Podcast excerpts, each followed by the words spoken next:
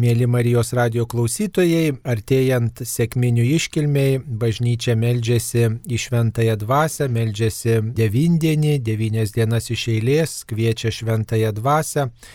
Ir mes pabandykim pasikalbėti apie tai, kodėl tą dvasę reikia kviesti ir kokiais žodžiais mes ją kviečiam. Dažniausiai kalbame arba gėdame himną šventajai dvasiai.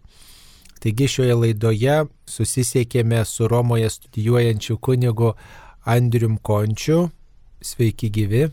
Sveiki ir gerbėsiu Kristui. Per amžius amen, mielas kunigė Andriau, džiaugiuosi, kad jūs studijuodamas Romoje randate laiko ir Marijos radijui, tai šioje laidoje laukiant sėkminių šventės ir pasikalbėkime apie šventąją dvasę. Taigi, kodėl šventąją dvasę reikia vis kviesti, mes ją vis kviečiam ir prieš sėkmines, ir prieš visokius renginius, įvykius, prieš rekolekcijas, o juk iš tiesų šventąją dvasę gavome per krikštą, per sutvirtinimą, Ir taip pat priimame šventąją dvasę per šventąją komuniją, nes komunija gyva tik šventosios dvasios veikimo dėka, nes kunigas per mišęs šaukėsi šventosios dvasios, kad jie perkeistų ant altoriaus sudėtas atnašas. Taigi, kam šventai dvasiai šaukti ateik? Taip, labai paprastas klausimas ir kartu toks sudėtinis iš tikrųjų kai kalbam apie šventosios dvasios atėjimą mes niekada jos ne, neturėtume ir negalime atskirti nuo visos švenčiausiosios trejybės ir trijų asmenų dieviškųjų dievo kaip švenčiausios trejybės veikimo. Tad šventoji dvasia ateidama visą laiką ateina kaip tėvo ir sunaus dvasia ir kartu vienybėje su jais. Ir kai šaukime tiek šentoji dvasia, mes kartu išpažįstame Jėzų Kristų kaip viengimi Dievo sūnų, kaip tą, kuris mums siunčia šventą dvasę su tėvu. Ir šentoji dvasia visą laiką parodo ir apreiškia tėvą ir Jėzų.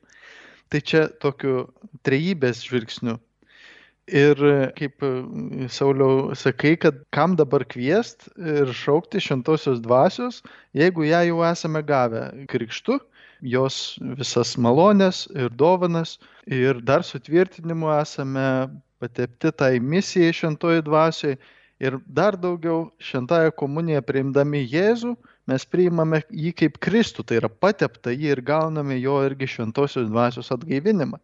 Tai kaip čia yra? Tai dabar mes papildomai kažkaip turim dar šventosios dvasios kitokios arba kitokiu būdu ją priimti.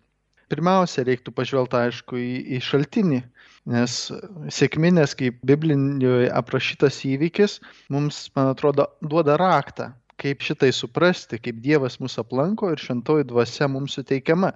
Kadangi, kaip moko bažnyčios šventieji ir bažnyčios mokymas, E, šventoji dvasia suteikiama vidiniam buvimui su Dievu mums sakramentais.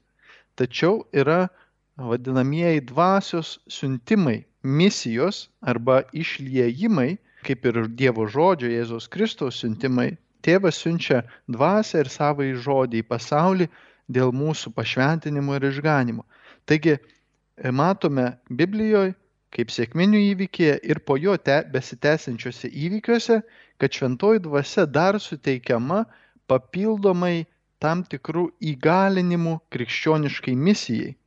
Todėl mes šaukime šventosios dvasios čia žemėje vis iš naujo, dangiškasis tėvės siūsk mums tą Jėzus pažadėtąją šventąją dvasę, Jėzus sakė savo paštalams, apaštalų darbų pačioje pradžioje, nepasišalinti jie iš Jeruzalės, bet laukti tėvo pažado, apie kurį tarė jis, esate iš manęs girdėję. Mat Jonas krikštijo vandeniu, o jūs po kelių dienų būsite pakrikštyti šventąją dvasę.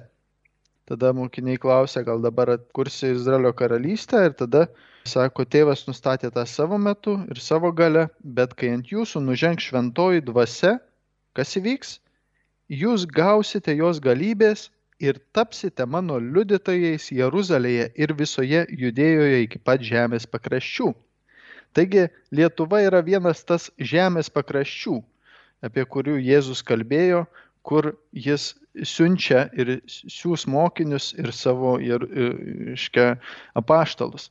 Tad šventoji dvasia suteikiama vis iš naujo ir vis iš naujo jos ilgimės ir šaukėmės, įdant būtumėm krikščioniško gyvenimo liudytojai, savo gyvenimu. Tai yra pagrindinis dvasios teimo užduotis.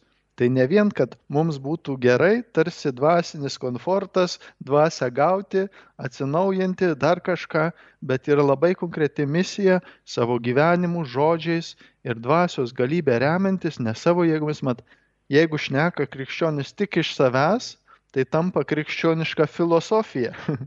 Bet krikščionis yra pašauktas bendradarbiauti ir kliauti šventosios dvasios pagalba ir asmeniu, kad ji pati kalbėtų mūsų lūpomis ir pasiektų širdis, sielą žmogaus, kuriam nešama geroji naujiena.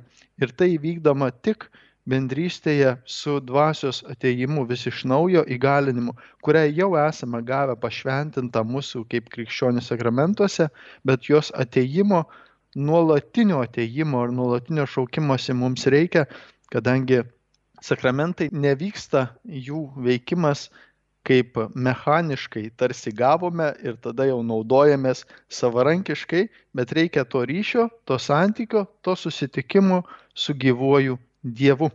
Tai toks trumpas klausimas ir platesnis išplėtimas.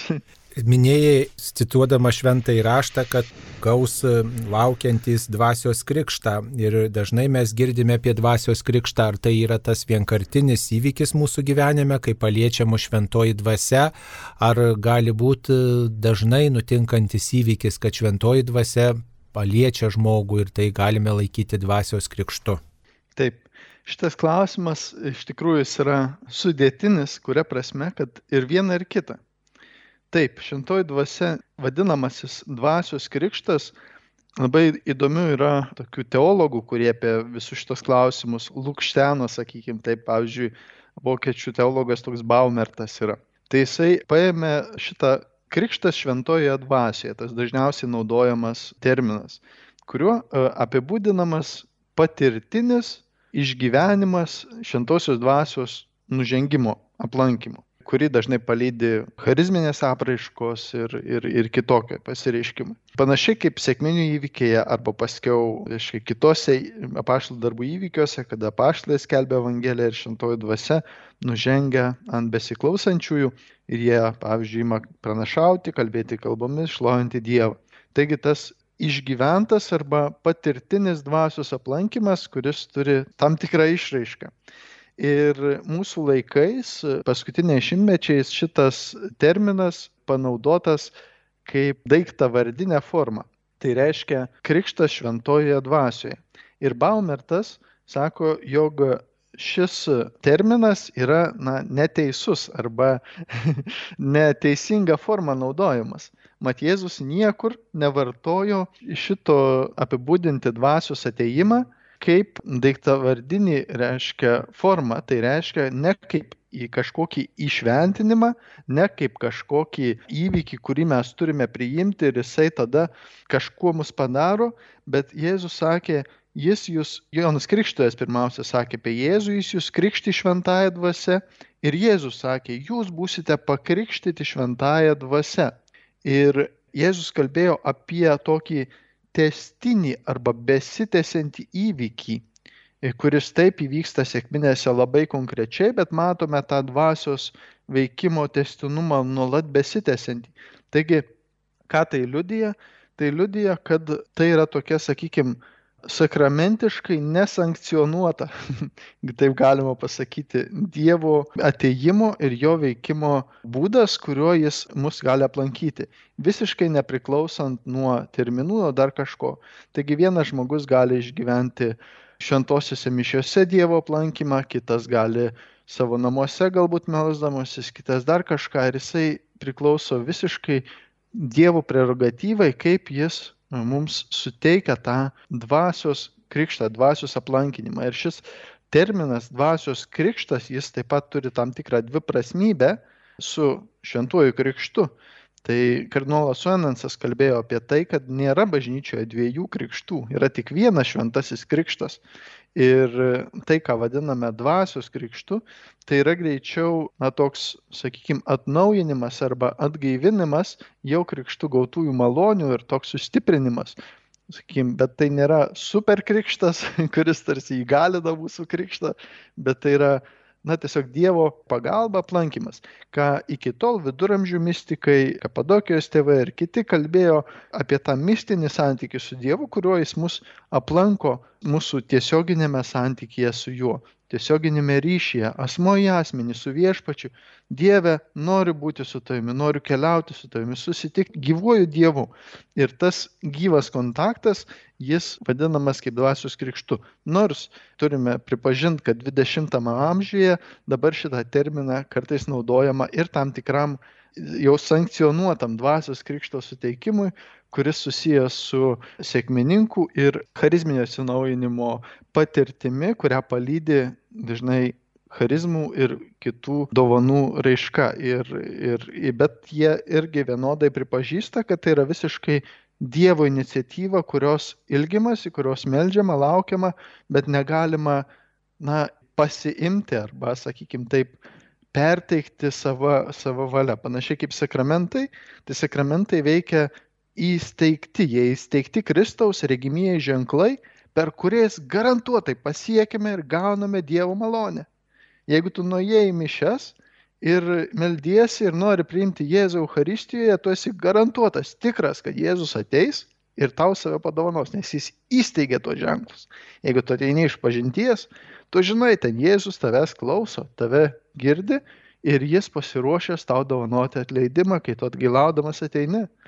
Tai yra sakramentai įsteigti, garantuoti Dievo malonės ženklai. Tuo tarpu šitos charizminės dovanos ir dvasios išleimas, ką vadiname dvasios krikštu, jis yra nesakramentinis, tai yra priklauso nuo tiesioginio santykio ir jame, na, Dievas suteikia savo būdu per ryšį su viešpačiu. Ir jis vienodai yra svarbus ir mums to ryšio ir kontakto reikia, nes dažnai sakramentuose galime, na, sakykime, įstrikti pragmatinėme santykėje, mąstydami, kad tokia atlikimo ar susitvarkymo ir visais kitais kriterijais. O tuo tarpu charizminis lygmuo mus duoda tą laisvo žingsniavimo ryšyje su viešpačiu kelią. Tai tokiais bendrais bruožais apibūdinant, kad yra vienas šventasis krikštas, ir yra dvasios krikšto apraiškos, kurias Dievas lieja kaip naujasias sėkmines popiežių žodžiais, mus atgaivinti, sustiprinti ir, galima sakyti, įgalinti autentiškiau gyventi krikščionišką liudijimą šitame pasaulyje. Mes laukdami sėkminių ir taip pat kitom progom gėdame himną į šventąją dvasę o dvasia viešpatie ateik, vieni kreator spiritus.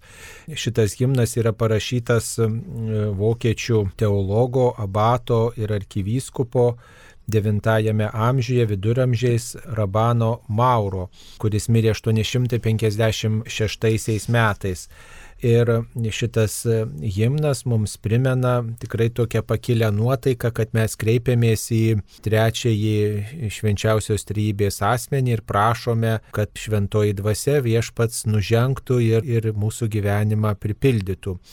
Ir štai pirmaisiais žodžiais mes kreipiamės į dvasę kaip į kūrėją. Kodėl? turbūt neįprasta galvoti apie dvasę kaip kurėją. Mes įpratę galvoti kaip apie Dievą tėvą kaip kurėją, iš tokio mūsų, na, kaip mes mastome. Bet iš tiesų, ką bažnyčios mokymas sako ir taip pat biblinis visas apreiškimas, ką sako, kad Dievas yra kurėjas, tėvas yra kurėjas, Jėzus Kristus yra kurėjas ir šventoji dvasia yra kurėja. Tai reiškia, kad visa egzistencija, visa kūrinyje, kuri mūsų yra, yra pašaukta būti visos švenčiausios trejybės veikimu. Ir taip pat kiekvienas žmogus čia yra mūsų kūrimo toks slėpinys. Pažiūrėkime, kaip sukūrė Dievas pradžioj kūrinyje, dvasia dvelkė virš vandenų ir Dievas tarė, tebūnie šviesa, ne, ir šviesa atsirado. Taigi Dievas siuntė savo į žodį kaip administratorių veikimo vykdytoją Jėzų Kristų ir šventąją dvasę, kuri įvykdo ir padaro kad įvyktų tai, ką Dievas savo žodžiu siunčia. Taigi visi trys asmenys dalyvauja sukūrime. Panašiai žmogaus sukūrime, čia Adomą nulipdė iš molio dulkių ir ką, kaip Dievas kuria Adomą, kvepia jį savoje dvasę, ir Adomas tampa gyva būtybė. Taigi žmogaus gyvybė yra Dievo dvasios įkvėpta ir sukurta mumise. Todėl bažnyčios mokymas sako, kad žmogaus gyvybė yra neliečiama, absoliuti ir neliečiama vertė žmogaus gyvybės. Ji yra Dievo kūryba, Dievo, na, sakykime, nuosavybė mumise, nuosavybė kaip dovana mums ją naudotis ir savo gyvenimu, bet mes su ją negalime elgtis kaip panorėję. Turime ją saugoti ir branginti ir kartu išpažinti Dievą kaip jos šaltinį. Taigi, dvasia yra kūrėja, mus sukurianti ir visą ką sukūrusi kartu su tėvu ir sunumi. Todėl himne ją išpažįstame. Lietuviškas vertimas tiesa yra dvasią viešpatie nuženk truputį pakoreguotas, tikriausiai, kad poetiškai skambėtų ir rimuotųsi, tačiau originale vieni creator spiritus ateik dvasią kūrėją. Mūsų kūrėja ir visatos kūrėja su tėvu ir sunumi. Taip pat lietuviškame vertime nėra paminėta, tačiau originale yra paminėta, kad dvasia tai Dievo dešiniosios pirštas. Kaip tai suprasti? Mhm. Jėzus kalbėjo apie tai, kai jį kaltino, sakė, tu demonų valdovo galiai išvarinėjai demonus. Jėzus atsakė, jeigu išvarinėjai demonų gale, tai kieno vardu išvarinėja jūsų atstovai tada. Bet aš išvarinėjau demonus Dievo pirštu. Jis kalbėjo apie šventąją dvasę. Kaip tai galime suprasti, sakykim, tai paaiškinant, jeigu būtų koks nors, sakykime, na, kaip, aš čia kaip įvaizdį, koks nors valdovas, karalių viduramžiais, kuriam priklauso visa šalis ir jis valdovas. Ir karalius pirštu parodo į ką nors. Imkit ir padarykit su šituo tą ir tą, ne? Ir tada kažkuris iš tarnų, kuriam karalius liepia, nueina ir įvykdo karaliaus paliepimą, ką jisai pirštu parodė. Tai čia kaip įvaizdis. Bet dangiškasis tėvas pirštu parodo savo valią, tarsi toks įvaizdis. Ne? Ir savo žodžiu ištartų ir dvasia yra kaip Dievo pirštas, ta prasme, kad ji įvykdo, kokius užmojus dangiškasis tėvas yra numatęs. Ir todėl Jėzus sakė, jei aš išveju demonus Dievo pirštu, ką tėvas parodo, šita dvasia neturi žmoguje gyventi, ne piktoji kažkokia dvasia. Taigi šventoji dvasia Dievo nurodymu, tėvo nurodymu yra įvykdytoja to išlaisvinimo, nužengia į žmogaus asmenį ir jį išvaduoja iš to, kas nėra Dievo, sakykime, pašventinta arba jo norima, jo sukurta žmoguje, žmogaus būtyje dalis žmogų pašventina, padaro labiau priklausančią viešpačiu, kaip jo paveikslui, kaip jo mylimam vaikui. Taigi šintoji dvasia Dievo pirštų, Dievo nurodymų veikia tėvo gale iš biblinio įvaizdžio ir mes tą išreiškėme ir kalbėdami dvasios himną. Taip pat himne yra paminėta, kad šventoji dvasia yra šaltinis. Kaip galėtume paaiškinti, kokių dalykų šaltinis yra šventoji dvasia? Tai himnas labai konkrečiai sako, kad šventoji dvasia yra meilės šaltinis. Šaltinis meilės tu esi aukščiausia Dievo dovana, šaltinis meilės tu esi ir žygiams dvasia įkvėp. Taigi galime sakyti, tos eilutės susiję Mat, meilė kaip dieviškoji meilė, ji nėra tiesiog išgyvenimas arba jausmas arba kažkoks patyrimas, bet tai yra susijęs su veikimu ir su valia gerame. Tai yra gerumas, tai yra sprendimas ir veikimas gero kitam. Taigi Dievas yra meilė, ta prasme, kad Jis mus be galo myli ir visu, kuo yra už mus ir veikia mūsų geroviai ir mūsų pilnatviai ir mūsų laimiai. Ir todėl šventoji dvasia vadinama tėvo ir sunaus meilė. Šventasis Augustinas šitą išvystė na, teologiją, kurioje ir tėvas yra meilė, ir Jėzus Kristus yra meilė, ir šventoji dvasia yra meilė.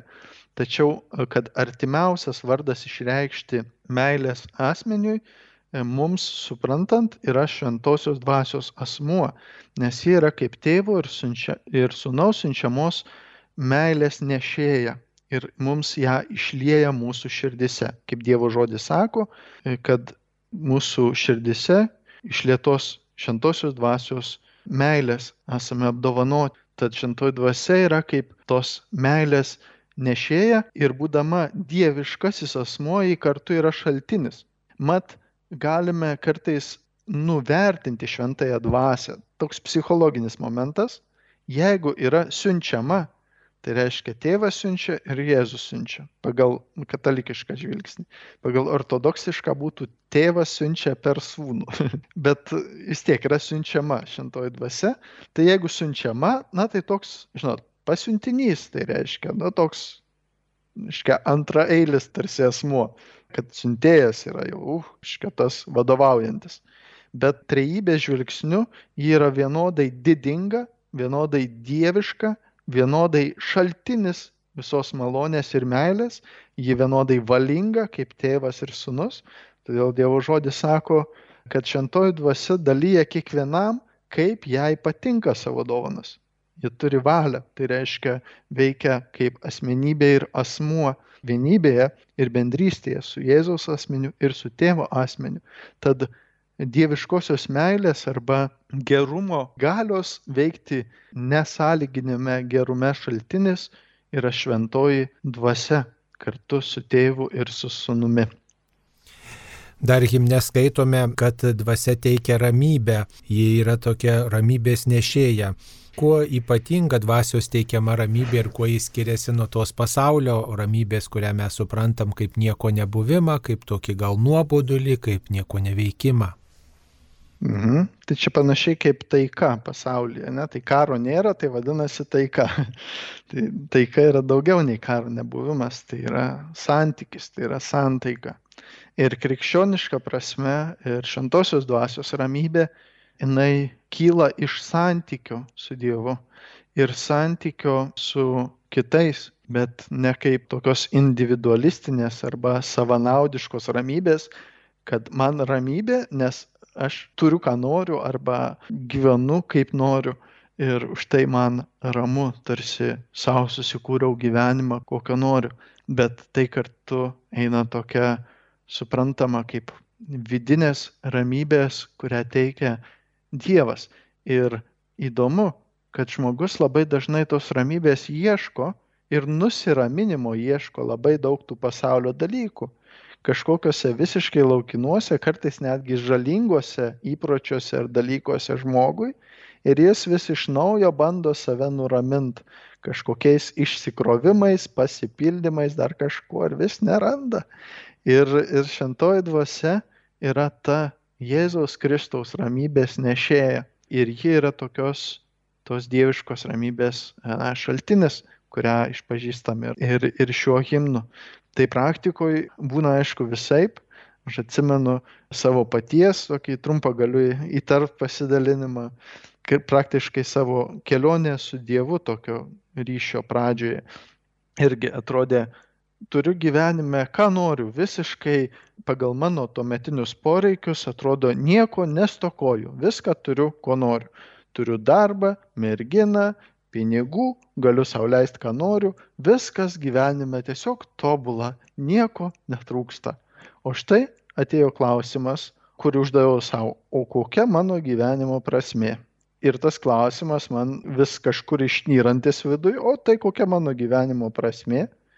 Ir jis tiek mane užpjovė, kad nei tos ramybės, nei tos, e, reiškia, laimės nieko neturėjau. Nu, bet kažkur tai trūksta prasmės iš to, kad aš turiu savo gyvenime tai, ko aš noriu. Ir tame klausime aš tikrai labai ieškojau ir bandžiau savo atsakyti ir nusiraminimo visur kur. Tikrai laikinuose dalykuose arba dar galiausiai nuvažiavau į gamtą, galvoju atsigausiu gamtoj. Žinot, kai būna pasivaikščiai kažkur miškelį, parkelį, prie vandens, pasidaro ramu, gamta atgaivina. Nu gerai, važiuoju prie Kauno Marių. Bet važiuodamas ir vis tiek tas nervas ima man. Nu, ir viskas atrodo, ir gyvenimą tada pasiunčiau toli, toli važiuodamas, kaip atsimenu. Nuvažiuoju prie tų Kauno Marių žiūriu šitą vandenį, žiūriu į tos medžius, nesidaro geriau pasirodo. Aha, gavau padės, reiškia. Tada ką, galvoju, ką dabar daryti, ką daryti. Ir atėjo tokia mintis. Reikia paklausti Dievą, ką daryti. Nes įsivaizduoju, gyvenime asmeniškai Dievo nieko neprašiau. Nu, būdavo gal ten vaikiškų kažkokių prašymų, kad vieną ar kitą duotų Dievas, bet, bet taip tikrai nuo savęs. Nes galvoju, Dieve, nieko tavęs neprašiau, jeigu tu esi, tai aš noriu paprašyti tavęs dabar, dabar paklausti, ką man daryti. Nu, viską mėginu daryti, bet geriau nepasidaro man. Reiškia. Tarsi toks kaip ir egoistinis siekis, reiškia, ką man daryti, kad man būtų gerai. bet man tikrai buvo taip žmogiškai sunku tuo metu. Nu ir ką, susikaupiau ir sakau, Dieve, ką man daryti? Labai konkrečiai. Paklausiau ir tikėjau, kad Dievas atsakys. Ir klausau. Į pasirodo atsakymas tyla. Nu, žinai, turėtų Dievas pasakyti, visą gyvenimą aš jį palikau ramybei, žinai, nieko netrukdžiau, dabar vien, vieną kartą man svarbus klausimas ir jis neatsako. Ir štai galiausiai pakliuvo į rankas, pakliuvo labai tokiu irgi ne, netradiciniu būdu, nes Dievas kaip ir nieko neišgirdau iš jo, tai galvoju, nu, kažką reikia daryti. Ir atsiminiau, kad turiu automobilį alkoholio. Ir galvoju, reikia kažkaip užmuštą nervą. Ir išsitraukiau, bet neišdrįsau gert, nes buvau su automobiliu, galvoju, kaip paskui girtas važiuosiu, jeigu policija sustabdys. Tai ir žiūriu, toj automobilio daiktadėžiai buvo ten šventasis raštas. Nu, galvoju, pažiūrėsiu, ką ten rašo, gal ten kažkas yra. Tiesiog savaime. Ir perskaičiau iš ten gabaliuką. Vieną pastraipą iš švento rašto, kurio nieko nesupratau, bet perskaičius atėjo visiška, visiška ramybė. Visiška taika ir ramybė ir tokia šviesa vidinė, kokios gyvenime nesu išgyvenęs. Ir tai galima sakyti, tas toks Dievo šviesa ir ramybė, kuria jis mane aplankė, vieno to atsivertimo, kurio atrodo visur, kur ieškojau atsakymų, ką man daryti, ar ne, o ten Dievo žodėje ten buvo vieta apie apaštalus siunčiamus. Eikite ir skelbkite, jog prisertino dangaus karalystė. Ta dangaus karalystė, kurią mums apreiškia šintoji dvasia. Taikos karalystė, ramybės karalystė, meilės karalystė, vidinės tikrovės susitikime su Dievu. Ne tik, ką mes Dievui darom, bet ką ir Dievas daro mumise ir mūsų tarpe. Ir tas buvo, galima sakyti, toks perkyčiantis mano asmeninėme kelyje Dievo prisilietimas, nuo kurio aš tokią išvadą priejau. Pala, jeigu vienas gabaliukas švento rašto perskaitytas man taip suveikė, kad viduj viskas nušvito, tai kas dabar bus, jeigu aš paimsiu ir visą Naująjį Testamentą tai perskaitysiu? Tai iš vis tada turėtų būti efektas. Tai ir aš tada pradėjau skaityti nuo pradžios iki galo visą Jėzus istorijas, visą ką ir semtis to giluminio, ką viešpats, koks yra jo planas, koks yra jo duodamas kelias mūsų gyvenime. Ir čia yra šventosios dvasios apreiškimas, sakykime taip, ir tos ramybės suteikimas, kad ji mus moko ir rodo, kaip gyventi pagal tai, į ką mus kviečia Jėzus. Kadangi ramybę atrandame vykdant ir sekant tuo, ką mus kviečia gyvenime asmeniškai ir kartu visus kaip krikščionis gyventi mūsų viešpats Jėzus. Ir šintoji dvasia padeda atrasti tą ramybę, vykdyti Dievo planą per Jėzaus gerąją naujieną. Tai šią prasme galima vadinti šventąją dvasę dovaną, nors ji yra pati dieviškas asmuo. Tikrai taip. Tikrai taip, šintoji dvasia yra save dovanojanti. Kaip ir mes žmonės vienas kitam save padovanojam. Ne? Pavyzdžiui, galima sakyti dovana, kad koks nors svečias atėjo pas tave į, į namus. Na, pavyzdžiui, atvyko koks nors, reiškia, popiežius į Lietuvą, ar ne? Tai mums Lietuvai tai yra didžiulė dovana, kad popiežius atvyko į Lietuvą. Ir to popiežiaus dovana, aišku, pirmiausia, Dievo dovana. Tai panašiai yra dieviškasis asmuo šventoji dvasia, kuri ateina aplanko mus ir būna su mumis. Tai šita prasme jos ateimas yra dovana, nes mes na, nesame verti patys iš savęs ją priimti ir gauti. nesame teisėti, kad jau čia šentoji dvasia, tu turi būti su mumis tarsi privalai, bet Dievas ateina pas mus kaip vargšus, netgi kaip išdavikus, kaip e, jo paniekintojus ir vis tik sutinka mums dovanoti kaltę, dovanoti atleidimą ir aplanko mus iš tikrųjų nevertai ir yra dovana. Šitą prasme, kad esame, esame elgetos, kurie reikalingi jos kaip dovanos. Tačiau himne skaitome apie septynias dovanas, kurias mums dvasia dovanoja ir sujungia tėvą su mumis. Kodėl himne jos minimos ir ką jos reiškia, kokiu pagrindu jas čia minime? Taip, šventosios dvasios dovanos, vadinamos septynios dovanos, kurios yra keturios, yra dovanojamos ir veikia į mūsų intelektą, į mūsų pažinimą, žinojimą ir mąstymą mūsų intelektinės dovanos, tai yra išmintis, supratimas, pažinimas ir patarimas.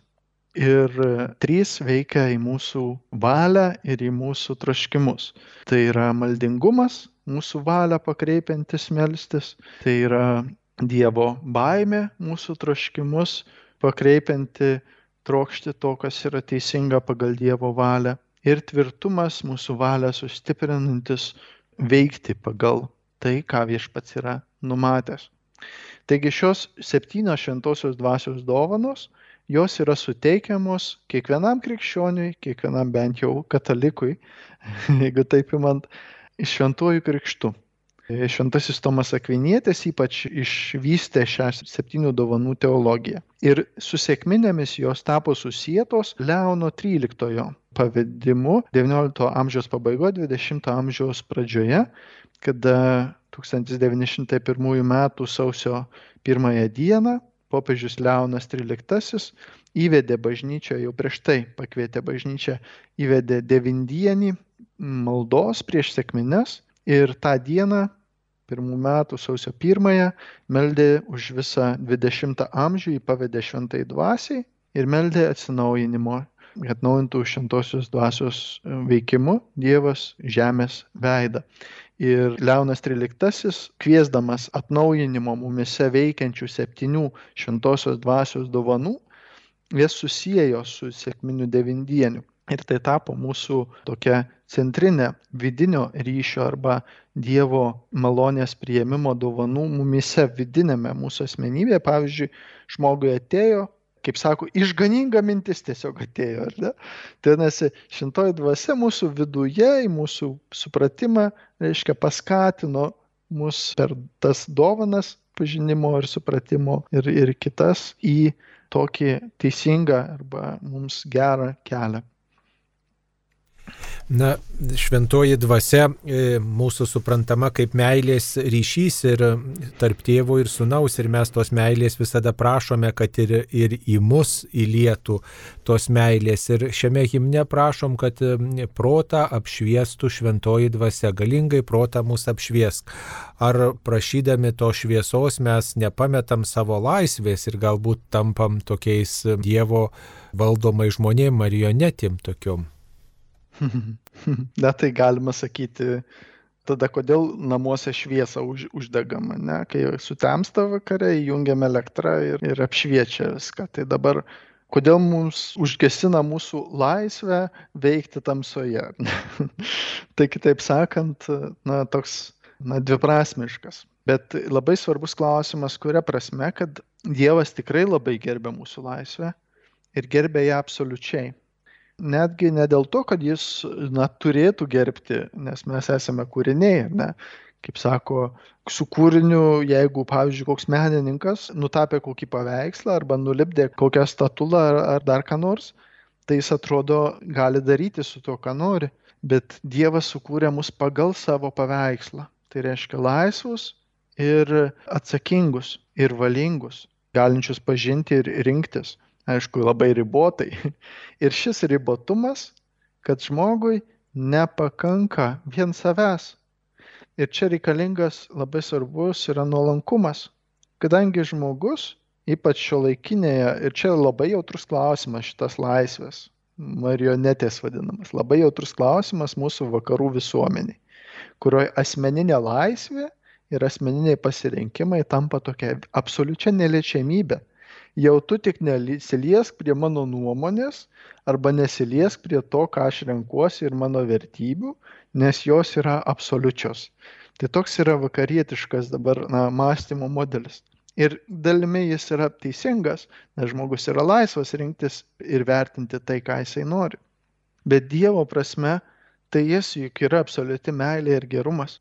Jame net negali egzistuoti jokios neteisingos arba blogos, į blogą mus palenkiančios valios mūsų atžvilgių. Jis yra absoliutus gėris, didžiausias gerumas, didžiausias gėris, kokį galime patirti. Tai šitos perspektyvos, kad Dievas apšviečia mūsų protą mums sutinkant, galime priešintis, gali Dievas apšviesti ir, ir, ir parodyti kažkokį kvietimą, mes sakysim, o aš manau, kad gal vis dėlto kitaip aš darysiu. Ką tada Dievas sakys? Nu ką, nu, siūlau tau kas geriausia. Nu, me, jeigu mėginsi kitaip, nu, gal irgi mažiau kažkaip gerai gausis, gal geriškia. Nu, bet jeigu nori mano pagalbos, aš esu tavo pusėje. Dievas sako, aš esu tavo pusėje, kad tau būtų gera. Ir šitoje vietoje yra bendradarbiavimas. Ir žmogui būtina čia pripažinti savo ribotumą ir savo skurdą, kad pats iš savęs žmogus yra savo nepakankamas iki galo įvykdyti teisingą ir gerą kelią. Jam, kaip mums reikalinga vieni kitų pagalbos, patarimo, žiūrėk, kai kažkur užstringam kokio, nežinom, kaip išspręsti kokią gyvenimo problemą, ką darom, skambinam savo draugams, pažįstamiems, klausyk, bėdoja su čia ir taip neišsprendžiu, arba net tėvams, ar dar kažkam, kuo pasitikime, prašome patarimo klausimais ir dažnai pasikliaujame tais patarimais ne, ir, ir, ir to, kaip, ką mums rinktis, tai jo labiau Dievo pagalba, kuri gali ateiti ir per žmonės, gali ateiti ir per aplinkybės, bet ji taip pat mūsų bendradarbiavimo, kontakto prasme yra mums reikalinga, įdant tame savo ribotume labai esame silpni ir iš tikrųjų patys iš savęs esame kvaili, silpni ir menki, bet kartu laisvi ir atsakingi ir valingi. Ir vis tik Dievas sako, bendradarbiaukime, keliaukime. Aš esu tavo pusėje. Na, bet žmogus visada na, lieka toks malsus ir renkasi turbūt ir kitus kelius, ir renkasi blogį tam, kad, reiškia, pats atrastų ar, ar, ar be Dievo keliautų. Ir šiame himne taip pat prašome dvasios pagalbos nuginti priešą, blogį naikinti. Tačiau kodėl tą turime daryti, jei tą blogį ant kryžiaus prikalė pats Jėzus Kristus, mūsų visas nuodėmės prikalė prie kryžiaus, kodėl dar reikia prašyti dvasios, kad tu naikink mūsų blogį sielose. Taip. Jėzus Kristus tikrai ant kryžiaus paukojo save ir, ir save, jo mirtis laiduoja, kaip sako, prikalė skolos raštą, nuodėmės raštą ant kryžiaus ir laiduoja mums visų mūsų nuodėmų atleidimą. Kur čia kyla problema? Problema, kad mes dažnu atveju nenorime jam atiduoti savo nuodėmių. Labai iš tikrųjų netgi galima pavadinti kvaila, kad mes, na, nenorime atiduoti tai, kas mus greuna ir žaloja.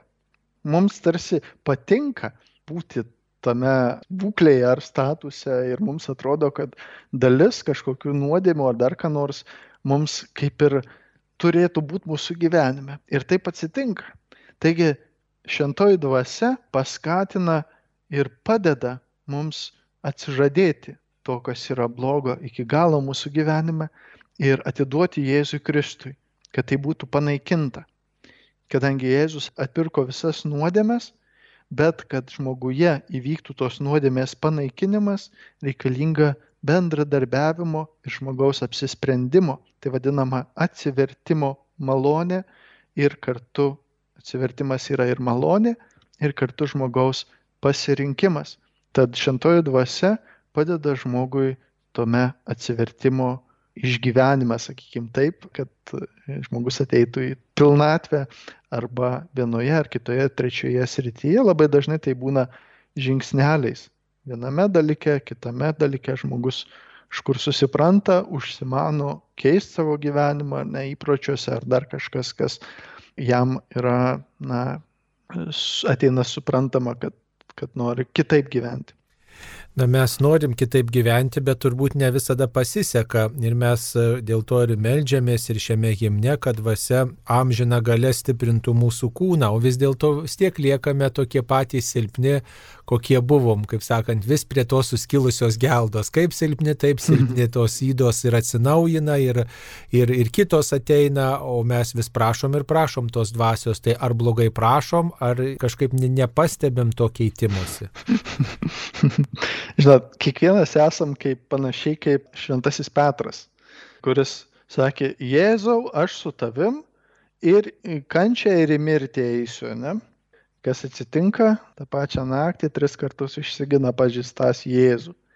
Tai taip, tas silpnumas mus lydi ir jis mums, mums liudija apie tai, kad esame maži ir kad esame reikalingi viešpaties malonės ir kad jo meilė eina pirmiau nei mūsų pasirinkimų, sakykime, toks galingiai mūsų pasirinkimai, per kuriuos nulemiam save. Nors iš kitos pusės yra visiška laisvė ir žmogaus laisvos valios pasirinkimų toks momentas irgi yra svarbus.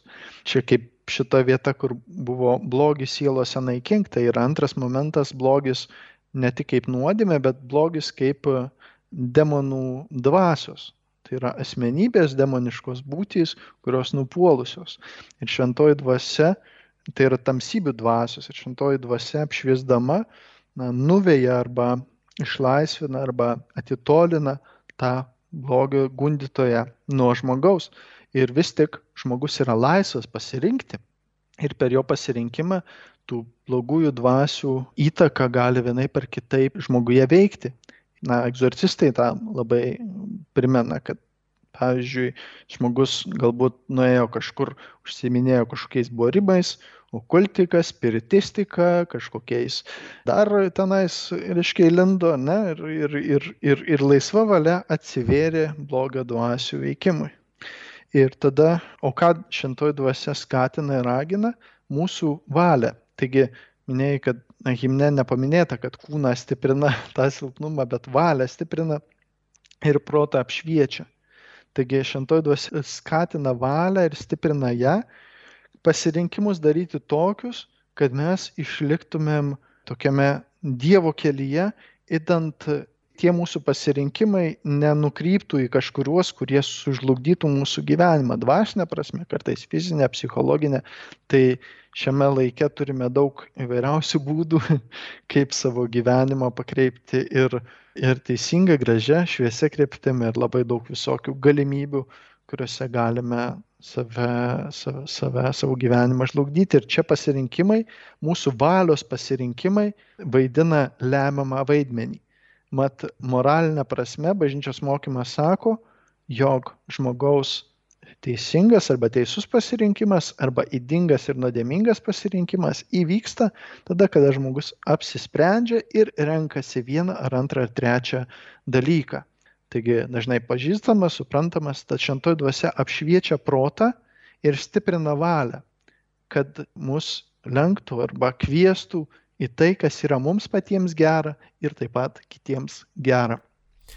Turbūt pagrindinis dalykas, kad šventoji dvasia ne tik mūsų apšviečia, mūsų valią stiprina ir apšviečia protą, bet pakreipia į tėvą ir sūnų kaip tą galime atpažinti, kad va štai mus palėtė šventoji dvasia, kaip ar užsidega meilė Dievui, ar dar kaip kitaip.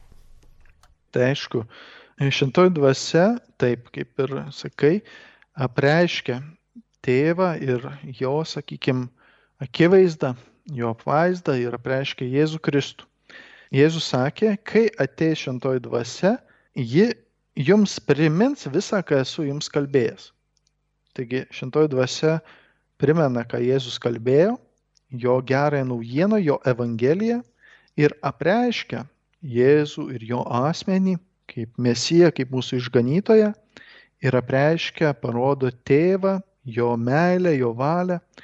Ir todėl šita prasme jie yra mus, na, sakykime, įgalinanti santykiui su Jėzumi. Šintoji dvasia yra pirmoji, kuri tai paskatina. Kaip tą atpažinti praktiškai? na, neįmanoma išrašyti receptų santykių. Ne? Ta santyki tiesiog turime ryštis ir, ir jame, jame iškoti. Ir labai dažnai, galim sakyti, į maldą ateinam ir, ir labai pirmas žingsnis gali būti, kad šventoji dvasia dabar noriu melstis, tai pirma, tu pirma, na, kvieti, kad melčiaus, ne? Meldžiu, kad ši malda, šis mano laikas, kurį pasiryžau, eitų iš tavęs. Tu būk ta, kuri meldiesi manėje. Paštas Paulius sako, pati šventoji dvasia mus, ištaria mus tais atodusiais, kuriais mes nesugebėsim melstis, tai yra ji yra besimeldžianti mumise dovana. Ir maldos prasme, krikščioniška malda yra visiškai kitokia nuo, pavyzdžiui, hinduistinės arba budistinės. Reiškia, kuriuose yra tam tikras metodai maldos, kurias mes įvaldę žinodami, kaip melstis ir teisingai melstis ir įvykdydami tais metodais maldos būdą, pasiekiame kažkokių rezultatų. Ten savo sąmonę praplečiam, savo karmą išvalom ar dar ką nors tais budistiniais ir hinduistiniais terminais, ar ne?